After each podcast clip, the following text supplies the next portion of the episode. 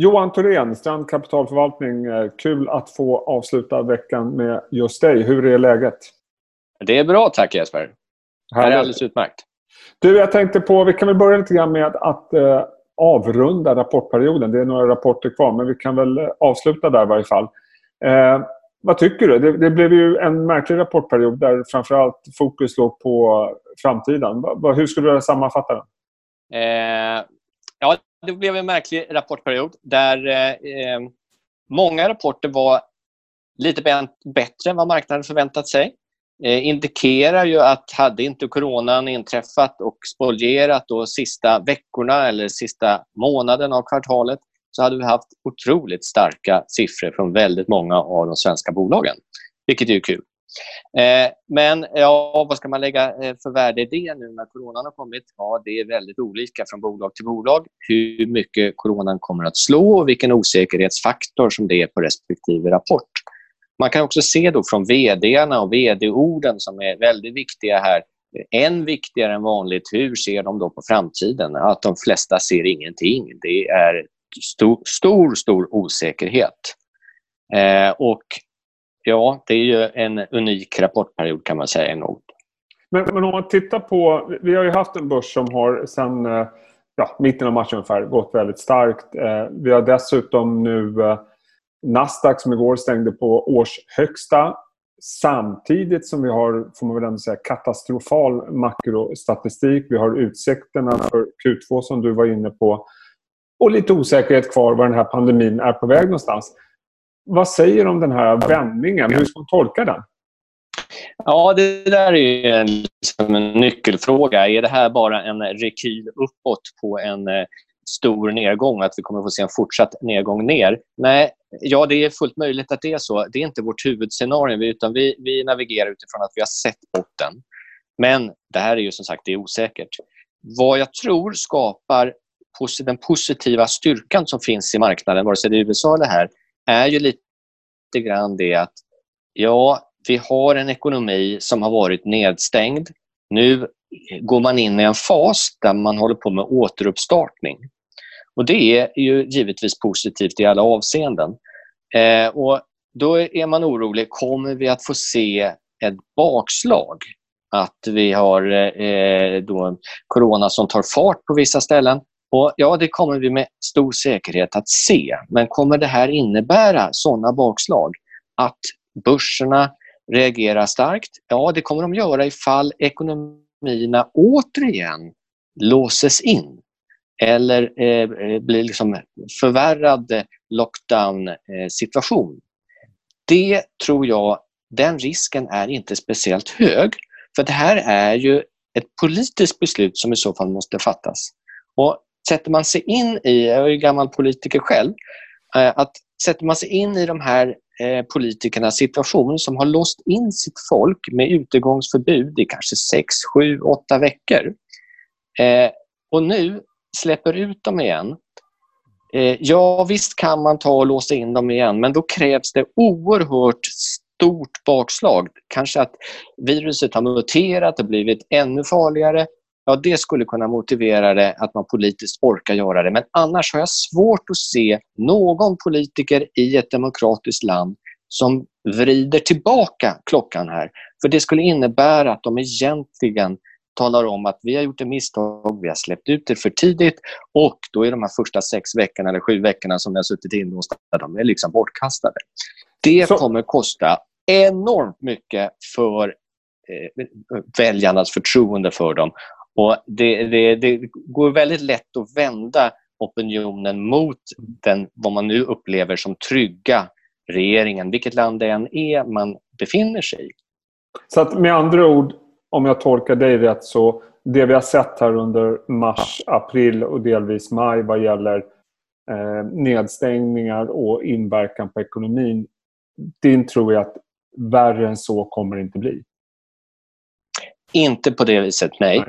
Eh, och Sen kan vi se också att arbetslöshetssiffrorna, det kommer siffror i, i, mm. i eftermiddag här från USA. De är ju så hemska så att man har svårt att ta in det ens.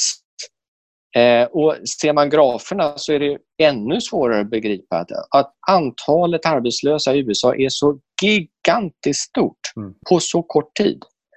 Eh, och ja, alltså det, det, då, men då tycker man ju med ryggmärgen, då borde börsen totalt haverera. Ja. Fast å andra sidan så har vi då fått signaler på att även USA återstartar. Den 18 maj så startar bilfabrikerna i USA. Den 11, alltså en vecka innan, eh, startar underleverantörerna sin verksamhet. Ford har redan meddelat att de startar då 18, men de startar med två skift och inte tre skift som de hade innan coronakatastrofen. Och det innebär ju att väldigt snart så kommer vi se de här kurvorna som är så mardrömslika just nu på arbetslöshet vända och se lite förbättrad ut. Sen, sen, Eh. Vi har ju en faktor till i det här och det är ju centralbankerna. Eh, det här Ja. är ju, vi har pratat många år om det här whatever it takes moment och nu är väl det upphöjt till tusen. Eh, alla gör allting. Ja, Men vad säger det om framtiden att vi har centralbanker som i princip raderar bort alla risker i marknaden? Det känns så i varje fall. Eh, hur ska vi förhålla oss till det framöver när det kommer nästa kris? Ska vi alltid kunna luta oss till centralbankerna runt om i världen? Ja äh, det är en stor fråga. Den är jag inte eh, kapabel att svara på. Inte men- jag heller. Eh, nej. Men i vilket fall så kan man ju säga att vi är medvetna om att väldigt snart så kommer den här ekonomin få en enorm adrenalinspruta. Mm. Eh, och Det är det som också börsen reagerar på. Så att jag tror att det, det är liksom det här som förklaringen ligger i, att man ser lite längre fram. Marknaden indikerar eller in, prisar in redan nu att vi i slutet av året kommer att ha en negativ ränta i USA. Mm. Eh, Ja. Så att, ja, Den svenska räntan kommer alltså vara högre än den amerikanska. det Det inte. massa andra hot som kommer. Det var väl ingen som trodde att den svenska styrräntan skulle vara högre än den amerikanska för några veckor sedan. Men så kanske det blir. Du, Johan, hur, avslutningsvis på den här delen. Hur har ni själv eh, agerat under våren? Vi har ju tyckt att det är som alla andra att det här är jättesvårt. Mm. Men vi, vi, har, vi har klarat det ganska bra. Vi drog ner aktievikten till kanske 40% eller något sådant eh, när det var som värst. Eh, och Sen eh, har vi skruvat upp den så vi ligger kanske runt 60% idag. Och Det indikerar ju att vi är inte alls övertygade om att det här är en uppgång som bara kommer fortsätta. Utan det, är väldigt mycket osäkerhet runt det. Utan eh, vi är optimistiska i grunden och vi tror att vi har sett botten. Men vi är inte säkra, så vi vågar inte gasa på mera. Eh, och, och Sen gäller det ju att de aktier man då har... Vi är allokeringsförvaltare, så vi behöver inte vara fullinvesterade hela tiden. Så att vi kan ju då spela med vår eh, likviditet på det här viset. Och De aktier vi väljer ut gäller ju att försöka ha de som har en större potential uppåt och som inte drabbas så väldigt hårt av eh, den situation vi har. Och, och, om man tittar på en del av sådana aktier. För det, det är ju verkligen så här att eh, det är inte bara kris för alla bolag. Vi har ju faktiskt sett eh, sektorer och bolag som har klarat sig hyggligt väl genom den här krisen. Och bara för att nämna ett par exempel. Vi har Oncopeptides och vi har Embracer som har lyckats med riktade nyemissioner i det här. Vi har eh, gjort en del större förvärv. Sinch till exempel, ett annat digitalt spel som har gjort ett stort förvärv. Så allt är inte nattsvart. Vad säger du om... Jag vet att du har tittat en del på framförallt Oncopeptides. Ja, och Embracer också, som Ja. även den har vi. Eh, nej, men det, det, det är ju en otrolig styrka att i denna marknad eh, gå ut till aktiemarknaden och eh, vilja ha mer pengar för sin verksamhet. Och Man ansöker om ett visst belopp, men man får in ännu mycket mera. Det är så stort intresse att vara med i, så man ökar emissionen. Och Just när det gäller Onkos fall, som då gjorde en emission här i veckan, eh, så blev jag själv ganska förvånad för att jag, enligt mina kalkyler så behöver de inte riktigt den här emissionen. Eh, och att varför göra den just nu? Men eh, då eh, kan man ju börja fundera på... Alltså jag, jag har höga tankar om HealthCap som är huvudägare. Eh, och HealthCap var ju också, om ni minns, huvudägare i Wilson. Ja. Och eh, även vi var delägare i Wilson Eh, och där gjorde man strax före budet som kom på Wilson också en nyemission som även den ställde jag mig frågande till. De, behöver ju inte riktigt de här pengarna. Varför gör de det nu? Eh, ja, det visade sig i efterhand att i Wilson-fallet så använder man de pengarna för att kunna ha en bättre förhandlingsposition egentligen för budgivaren. Att ja, men vi är okej, okay, kommer ni inte med tillräckligt bra bud, då kör vi det här preparatet hela vägen eh, fram till färdig produkt. Och så kunde man förhandla fram ett väldigt bra bud på Wilson. Om det är samma orsak till den här emissionen i Oncopetra, det har jag ingen aning om, Nej. men det är samma huvudägare. Eh, och Det tycker jag är lite intressant att i alla fall notera.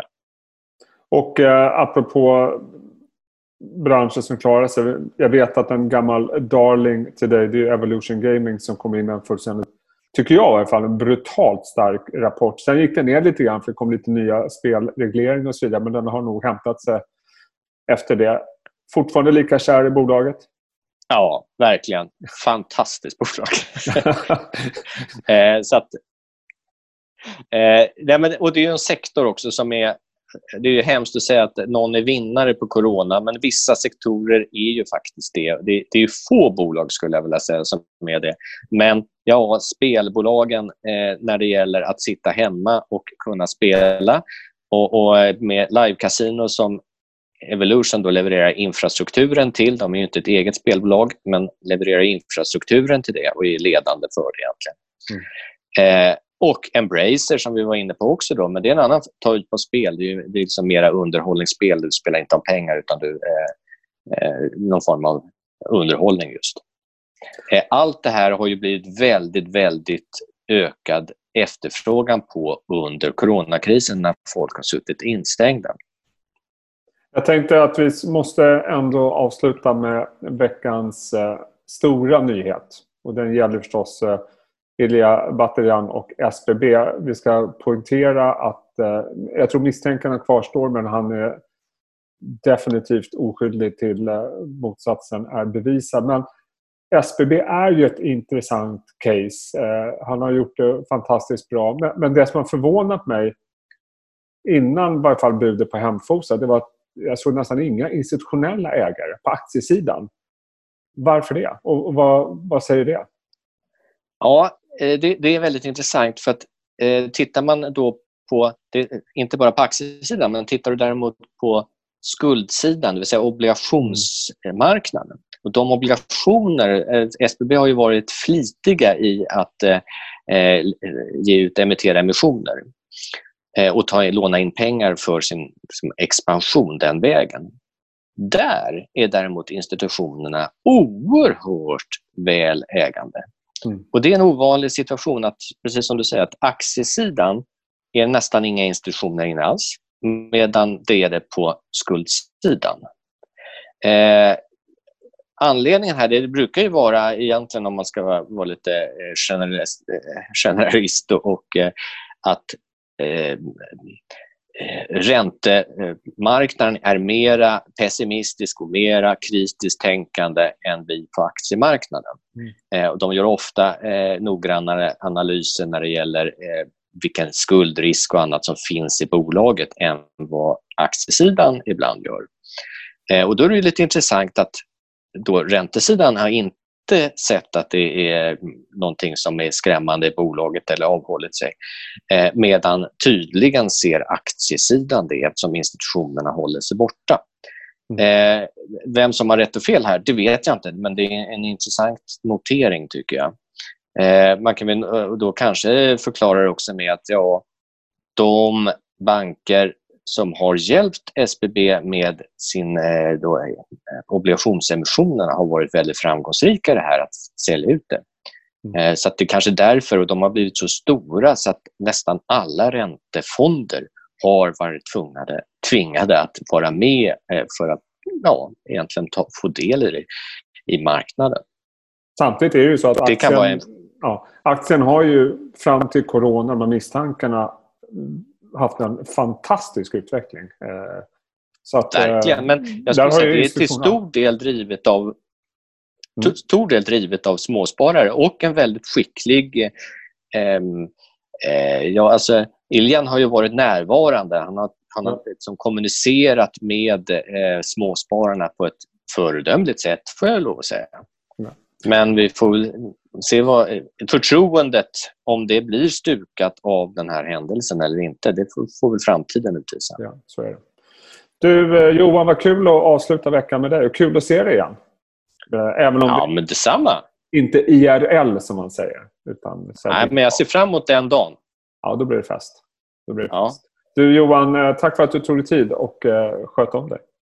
Ja, men detsamma. Tack så du ha. Trevlig helg. Detsamma. Hej, hej. Hej.